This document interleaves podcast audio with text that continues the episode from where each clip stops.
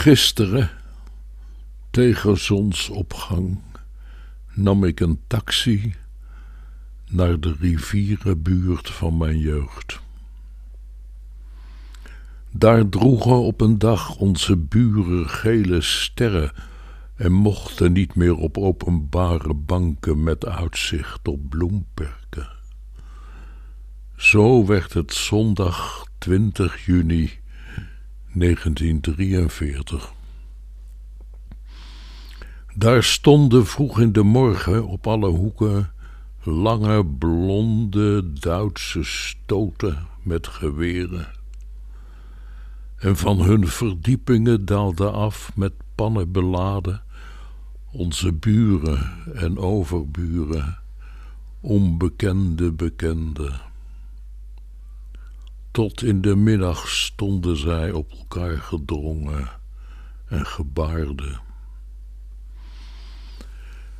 Een jonge man en vrouw hebben bij ons aangebeld.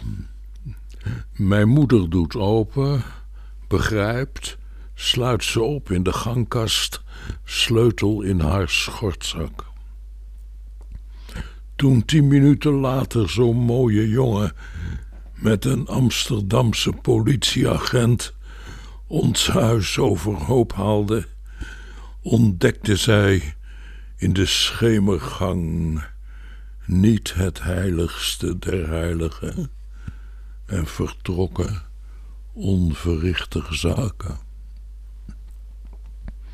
De twee werden rond middernacht in een snelle wagen naar Portugal, dachten ze.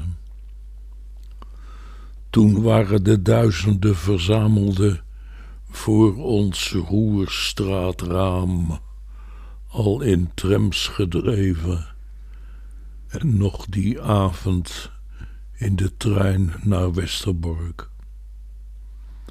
Het gebeurde voor mijn ogen.